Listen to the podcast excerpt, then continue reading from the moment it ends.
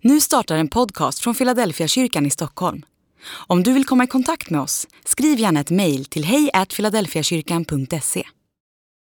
Hörrni, det är en glädje med dop alltså. Vilken glädje det är. Och få veta att det är någon som har längtat nästan hela livet efter det. Det är fantastiskt. Och så vet man att Gud har stått där med en öppen famn. Så också idag. Det är vackert, otroligt vackert. Hörrni, eh, har ni stått upp någonting och hälsat på någon? Ni har mest suttit nu va? Ställer upp en liten stund sådär och bara rör på kroppen så jag har med er här. Så då, Oskar han gör lite gymnastik också, det är fint.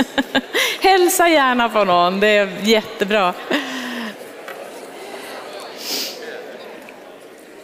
Och medan ni minglar så där så tror jag också att ni kan höra mig när jag, äh, jag tar den när ni sätter er ner. Varsågoda och sitt. Det var en snabb det där. Jag tänkte på mingel. I onsdags hade vi vår första onsdagskväll i Philadelphia.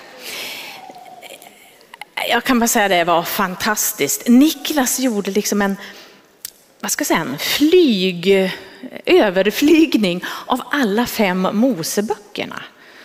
Och så visar han att det är som en kärlekshistoria i dem.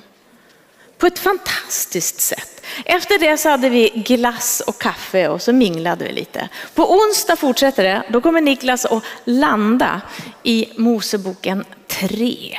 Så eh, gör vad du kan för att vara med på onsdag klockan sju.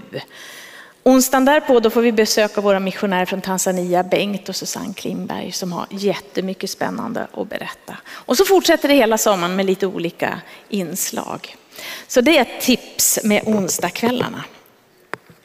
Förra söndagen då inledde Niklas en serie som vi har nu om vem Jesus är. Hans karaktärsdrag. Och Niklas han talade om att Jesus är kärlek. Villkorslös kärlek. Och idag så ska jag tala om att Jesus är frid. Men jag skulle vilja börja med tvärtom. Och tvärtom, det är världsläget idag. Tänk vad fort det förändras runt omkring oss. Det är bara drygt hundra dagar sedan vi trodde att inte skulle vi få uppleva krig i vår närhet. Plötsligt så förändras det. Hela världen påverkas. Ja, men att det var krig i Ukraina, men helt plötsligt ser vi att hela världen påverkas av det. Det är ju inte så bara så att det är begränsat, utan världen hör ihop och plötsligt är både vi och andra djupt involverade. Det är svält på Afrikas horn eller i stora delar av Afrika. Större delen av Afrika på grund av det som händer i Ukraina. Jemen har snart ingen mat. De som hade det besvärligt sedan förut, nästan alla livsmedel kom från Ukraina till dem. Det finns inte att köpa längre. Hundratals miljoner pratar man om svälter idag. Jag läste en siffra igår kväll som var alldeles färsk och man menar att 800 miljoner människor är på väg inom en kort framtid in i svält eller är redan där. Hör ni? 800 miljoner människor. Så ser det ut i våran värld. Man kan nästan bara sucka. Och samtidigt så ser vi det att världen hör ihop. Det är inte så att det kan hända något i en del och det inte påverkar, utan det är som att det blir liksom allting rör sig. Och plötsligt är vi också involverade och vi både påverkas av varann och behöver varann. Här i Sverige tycker vi att det är nog så besvärligt med hotet om ökade boräntor och jag vet att det är ett stort problem för många. För plötsligt förändras det. Det där som man inte trodde kunde hända. Vad gör allt det där med oss? Det är besvärligt. Ett krig som har känts så långt borta till möjlighet är plötsligt nära. Och så har det skapat oro för både nu och framåt. Och det är så många områden. Hur ska det bli?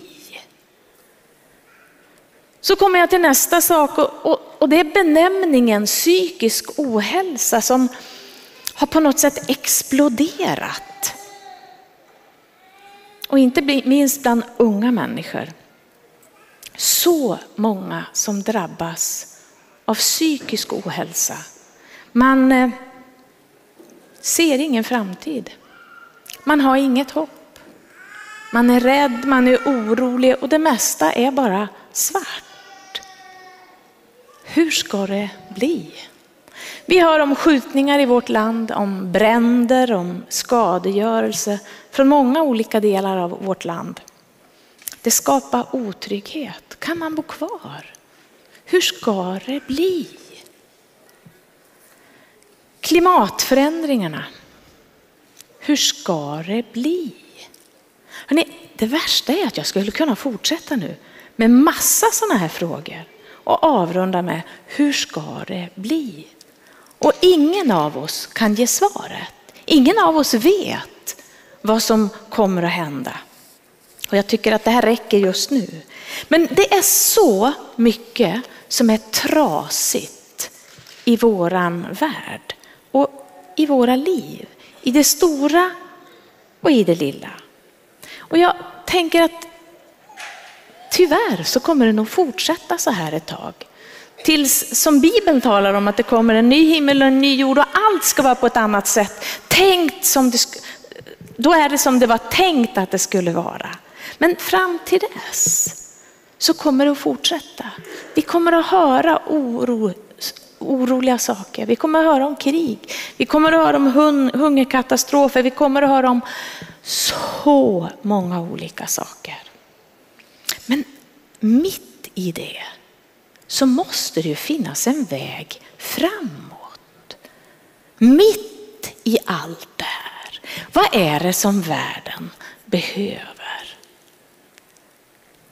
Det är ju inte riktigt så jag brukar förbereda mina predikningar, men en sketch har varit i mitt huvud som Sven Melander gjorde för många, många år sedan.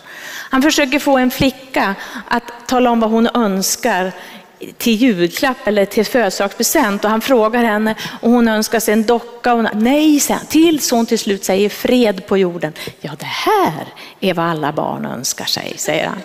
Och jag tänkte, idag kanske det ligger lite närmare. Men vad är det världen behöver?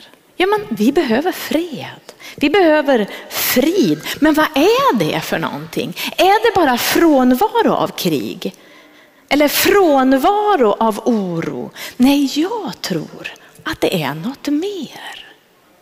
Frånvaro av något räcker inte utan det är närvaro av något. Och jag menar att den närvaron den finns mitt i allt det där när du och jag säger, hur ska det gå? Både i världen och i ditt liv och i mitt liv. Det finns en närvaro. Har Bibeln någonting att säga om det här? Finns det frid mitt i oro och problem? Jag ska börja med ett bibelord som också kan knytas till pingstdagen idag. Det är den helige ande kommer. Och det, är precis, det är Jesus själv som talar om det här. Han har det här talet som ett avskedstal till sina lärjungar strax innan det är dags för påskhändelserna. Och han vet ju vilken väg han ska gå. Och då säger han så här till lärjungarna. Johannes 14. Detta har jag sagt er medan jag är kvar hos er. Men hjälparen, den helige ande som Fadern ska sända i mitt namn, han ska lära er allt och påminna er allt som jag har sagt er. Frid lämnar jag kvar åt er, min frid ger jag er. Jag ger er inte det som världen ger. Känn ingen oro och tappa inte modet. Det är vad han säger till lärjungarna.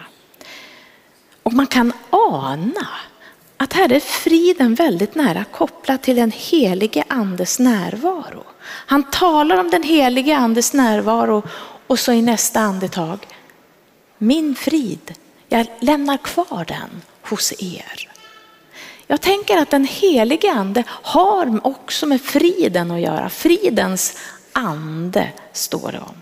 Vi ska läsa ett bibelord till och då står det så här i Filipperbrevet. Gör er inga bekymmer, utan när ni åkallar och ber, tacka då Gud och låt honom få veta alla era önskningar. Då ska Guds frid, som är mera värd än allt vi tänker, ge era hjärtan och era tankar skydd i Kristus Jesus. När Bibeln talar om frid så är det ju inte en känsla, en bara, oh vad jag känner frid, utan det är någonting större. Det talar om att det är balans, att det är någonting som är helt, att det är harmoni. Allt är i ordning. Shalom brukar man använda och det är grunden för det här ordet. Min frid ger jag er. Shalom. Alltså det handlar om allting i balans, i relation med Gud, med människor, med naturen. Så allt det där jag räknade upp av problematiska områden ryms i Guds frid. För det handlar om Gud, min medmänniska, mig själv och hela skapelsen. Min frid ger jag er. Jag ger er inte det som världen ger. Det är som att Gud talar om att trots allt runt omkring så finns det här. Och det är större. Det är en närvaro som finns. Min frid ger jag er. Inte en känsla utan jag skulle säga att friden är mer ett tillstånd. Min frid ger jag er. Han, Jesus han säger det om och om igen. Det är som att han vet att lärjungarna och människan behöver det där. Min frid ger jag er. Inte minst efter han möter lärjungarna efter uppståndelsen så är ju hälsningen det. Eller strax innan de ska in i det svåra i påsken. Då är det som att det han säger. Han säger inte, ni förstår allt kommer att gå bra. Ni vet det här är inget, det, här, det är bara en passage. Utan han låter dem gå in i det som är svårt. Men han säger, min frid ger jag er. Känn ingen oro. Tappa inte modet. Det är som närvaron gör hela skillnaden. Han ger dem ett utgångsläge, ett tillstånd som är möjligt att leva i mitt i det svåra. Känn ingen oro. Tappa inte modet. Jag, när jag läste den här strofen, jag har ju läst den många gånger, men så tog den tag i mig. Känn, om vi bara skulle kunna leva efter den. Känn ingen oro. Tappa inte modet. Och det är ju inte vem som helst som säger det här, utan det är Jesus själv, han som har all makt. Det finns ju något bakom. Det är inte bara en uppmaning. Hur är det där möjligt? Att inte känna oro och inte tappa modet. Ja, men I det andra bibelordet som vi läste så fanns det någon hint om det där. Det står det om att Guds frid ska ge skydd. Det finns ett skydd i friden. Någonting som vi behöver mitt i det vi står i. Så här var det, gör er inga bekymmer, utan när ni åkallar och ber, tacka då Gud och låt honom få veta alla era önskningar. Hörde du det? Det var egentligen det det handlade om. Alltså allt det där du har, låt nu Gud veta om det, överlämna det. Då ska Guds frid, som är mera värd än allt vi tänker, ge era hjärtan och era tankar skydd i Kristus Jesus. Det verkar som att här säger han att om du överlämnar, om du vågar lita på Gud, om du ändå har din tro i att han är större än allt det där som vi möter. Att lita på honom, inte som ett tvång utan som en vila. Och så landa i hans godhet. Att få ha tillit till någon som är större. Som har allt i sin hand och som vill mig väl. Det verkar som att det gör att då kommer Guds frid och ger mig någonting. Friden är värd mer än allt vi tänker står det. Jag funderar lite grann på vad det betyder. Allt vi tänker. Friden är värd mer än alla mina lösningar. Tänk om det är så. Det är så ofta jag tänker så här, om det bara var så och så och så. Men tänk om jag istället skulle använda min kraft och tänka, Gud har det här i sin hand. Nu ska vi se vad han har tänkt göra av det. I det personliga, men också i alla de stora andra frågorna. Politiker, tänk om ni kunde agera i frid. Att göra helt det som är trasigt. Att hitta balans istället för att skapa en maktstruktur. Hitta det värdefulla.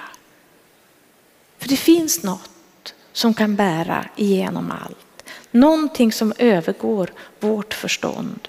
Som är större än vi någonsin kan tänka. Ingenting vi kan peppa oss till. Det är ibland som man tror att man ska kunna tala sig, men det kan vi inte. Ingen av oss kan någon gång säga, nu ska du känna frid Lena. Nej, det måste ges mig på något sätt. Jag måste få ta emot friden. Där står det att Guds frid ska ge vårt hjärta och våra tankar skydd. Och jag tänker det här med att skydda vårt hjärta. Eh, det blir rätt avslöjande nu när jag vet vad både blodtryckssänkande och blodfetter och blodförtunnad och pulssänkande är för något. Jag behöver det för mitt hjärta. Det har jag hållit på med länge med mediciner. Och det är för att läkaren säger att Lena, ditt hjärta behöver den här hjälpen för att orka. Därför får du de här tabletterna för att den ska hålla sig på plats och det ska fungera bättre för dig. Och jag tar de där tabletterna varenda dag. Min Sören och jag vi skojar och säger det, nu tar vi våran müsli. Det känns som så ibland, man tar en hel hög med tabletter. Men det där är just, för mig är det för mitt hjärta, att det ska hålla lite längre. Det ger skydd för mitt hjärta. Men mitt riktiga hjärta då? Alltså det där som är jag. Vad är det som kan ge skydd åt det? Vad ska jag äta för müsli för att det som är hjärtat. När Bibeln talar om hjärtat så är det min personlighet, det är mitt djupaste jag, det är den jag är, det är allt det där jag har som gåvor och allt. Det är jag, det är mitt hjärta. Det finns något som kan ge skydd för Lena. För att hon ska kunna vara Lena. Mitt allra innersta, mer än allt annat, vakta ditt hjärta. För hjärtat styr ditt liv, står det i Ordspråksboken. Det är sådär favoritbibelord. Jag tror det är jätteviktigt. Och här står det att friden kan påverka mitt innersta, mitt liv. Bevara mig, skydda mig. Alltså inte bara en känsla utan det kan bevara mig. Skydda mig så att jag kan få vara hel. Att jag inte tappar hoppet. Att jag inte blir cynisk. Vad lätt det är. Att jag inte blir bitter. Vad lätt det är. Att jag inte tappar tilltron till människor trots vad som har hänt. Att jag kan vara hel. Jag tror att det finns något hos Jesus som kan skydda mitt hjärta, mitt djupaste väsen, något för hela livet, något jag behöver. Och så står det också om tankar, det står om hjärta och tankar som kan få skydd. Och jag tänker, det är väldigt stor skillnad hur jag tänker när jag på något sätt upplever frid inom mig eller om jag är fylld av oro. Har ni tänkt på det? Alltså tankarna förändras ju snabbt. Om jag på något sätt är uppfylld av oro och allt det som, så är tankarna går i tusen kilometer i timmen, åtminstone hos mig. Hur jag tänker logiskt, hur jag vågar tänka framtid, hur jag handlar och agerar, hur jag tar beslut. De här nätterna ni vet, de har jag nu. De här nätterna som är så eländiga. När jag lägger mig så tänker jag på problemet. När jag vaknar mitt i natten så är det bara det som mal. Och när jag vaknar igen så är det det här stora problemet som bara matar och matar. Och när jag vaknar på morgonen så kan jag göra något och så kommer det igen. När jag har de där tankarna som tär hela tiden, då är det ju någonting som händer med mitt agerande. Jag håller på att träna nu för att jag har det just så just nu. Så tränar jag och så säger jag Gud, jag måste överlämna mina tankar till dig. Jag behöver skydd för mina tankar. För när jag tänker så händer det något med min tilltro om framtiden. Min tilltro om att det ska kunna bli bra. Jag behöver skydd för mina tankar. För tankar är inte bara en tanke, tankar är kraftfulla. De kan styra oss åt olika håll. Ofta är det i tanken som jag behöver förändras. Jag tränar på att överlämna för att jag inte kan förändra. Överlämna mitt i tänkandet. Och här står att Guds frid ska ge skydd åt våra tankar. Kanske är det det du behöver. Guds frid för att få en annan tankebana. Jesus han visste att lärjungarna skulle få en massa utmaningar när han sa det här om att min frid ger jag er. Han visste att nu var det dags att gå in till Jerusalem och allt som skulle hända. Men han visste att det är nu jag behöver säga min frid ger jag er. Vet nu att jag har allt i min hand. Jesus inte bara ger frid, utan han är frid. Hans närvaro och gemenskapen med honom förändrar. Och jag tänker att friden, Guds frid som jag tror att vi kan få ta del av, den är inte beroende av omständigheterna. Det här låter ju så otroligt förenklande, men jag vill säga att det är så. Trots omständigheterna är friden densamma och jag vill påstå att friden är större än omständigheterna. För det handlar om Jesus själv. Han är större och där finns hans frid. Det är en hemlighet i det här. Du kanske varit med om någon gång en erfarenhet när det har varit en svår situation men friden ändå har funnits. Det gör hela skillnaden i situationen. Fri, alltså jag skulle vilja säga det viktigaste är frid mitt i det jag möter. För livet är livet. Det vore så bra om jag kunde säga, Möt Jesus och du har frid, sen är det klart. Skönt det vore, men så är inte livet. Men jag lovar att det finns en frid mitt i varje situation, varje sammanhang. Min frid ger jag er. Hör du vad han säger? Det är ingenting du kan ta och det är ingenting du behöver jaga efter. Men kanske stanna upp för att ta emot. Jag älskar händelsen när Jesus kommer till lärjungarna efter uppståndelsen. Det står, jag tycker bara om formuleringen, men det står att de är inlåsta av rädsla för judarna. Och jag tror att det är precis så för dig och mig också. Ibland så är vi inlåsta av rädsla. Det liksom begränsar våra liv. Och så kommer Jesus. Och han har ju kunnat säga vad som helst. Han har kunnat säga, men skäms ni inte? Vet ni inte vem jag är? Ni borde väl vid det här laget förstå. Nej, han kommer och säger, min frid ger jag er. Visst är det underbart? Vilken Jesus. Och han tar sig rakt in genom rädslans dörrar och lås och så säger han, min frid ger jag er. Han visste att det var det de behövde i den där situationen. Frid åt er alla. Och jag tror han gör likadant idag. Jag tror han har precis samma agenda till dig och mig där vi befinner oss inför våra utmaningar. Som land, som värld, som enskild. Ingen känsla bara alltså, utan ett utgångsläge eller ett tillstånd vill jag påstå att friden är. Och jag kan få skydd för mina tankar och mitt hjärta, mitt innersta. Så att det inte drar iväg med mig. Jag kan få frid mitt i världsläget. Mitt i allt det som händer ändå ha en tro på att Gud har allt i sin hand. Det är han som håller hela världen.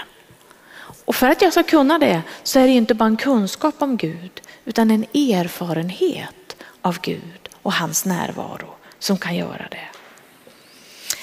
Helige ande, Guds närvaro här och nu. En av samma sort betyder det egentligen. Där han säger jag ska ge er en hjälpare. Jag ska ge er en av samma sort, säger Jesus. Och han talade om anden och så sa han frid. Känn ingen oro. Tappa inte modet. Och så säger han, anden ska vara hos er. Ska aldrig lämna er. En sak till. När vi samlas här så brukar vi alltid be välsignelsen. Herren välsigne dig och bevare dig. Herren låter sitt ansikte lysa över dig och vara dig nådig. Herren vänder sitt ansikte till dig och ger dig sin frid. Och så avslutas välsignelsen. Och jag tänker att det är faktiskt så att Gud har tänkt något med det. Jag tror att det är det du ska känna med varje gång du hör den läsas. Så går du i hans frid. För när du väl har friden, då är det lättare att ta emot allt det andra också. Jesus är frid.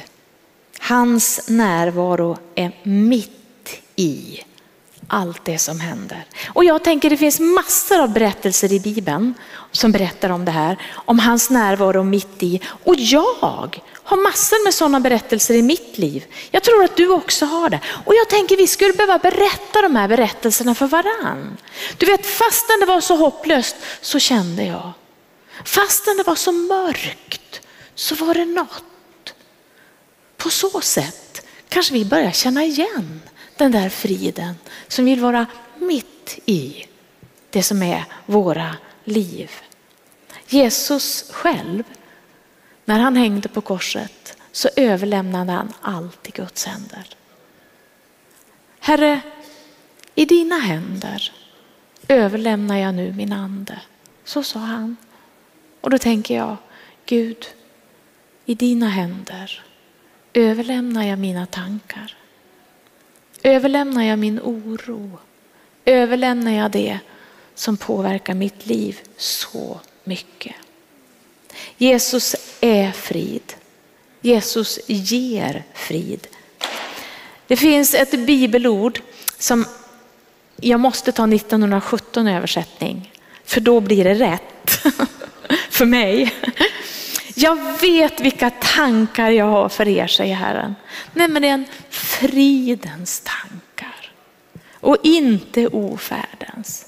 För att ge er en framtid och ett hopp.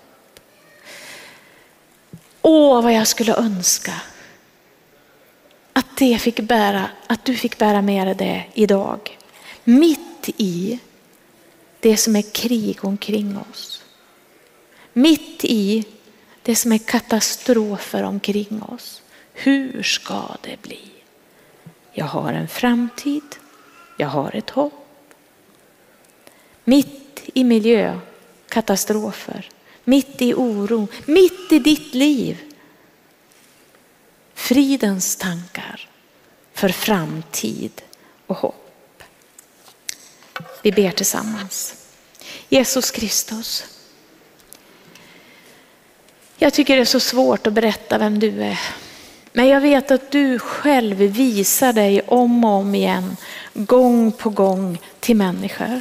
Och jag ber att den som på ett speciellt sätt skulle behöva få erfara dig utifrån fridens perspektiv skulle få göra det. Liksom bara ana att du är större. Du är större än de där problemen som finns runt omkring den här personen, men också större än allt det som rör sig i världen. För du är den Gud som har allt i din hand. Så därför vill jag be Herre om din frid mitt i de omständigheter vi har. Och jag sträcker mig till Ukraina Herre och tror på att din frid också rör sig där just nu. I Jemen, Afrikas horn, överallt där människor är så svårt drabbade idag. Vill jag tro Herre att din frid är rådande. Tack för att du är fridens furste, fredens konung. Och Herre, när du kom till jorden så var det precis den hälsningen. Frid åt hela världen. Vi ber om det Jesus. Amen.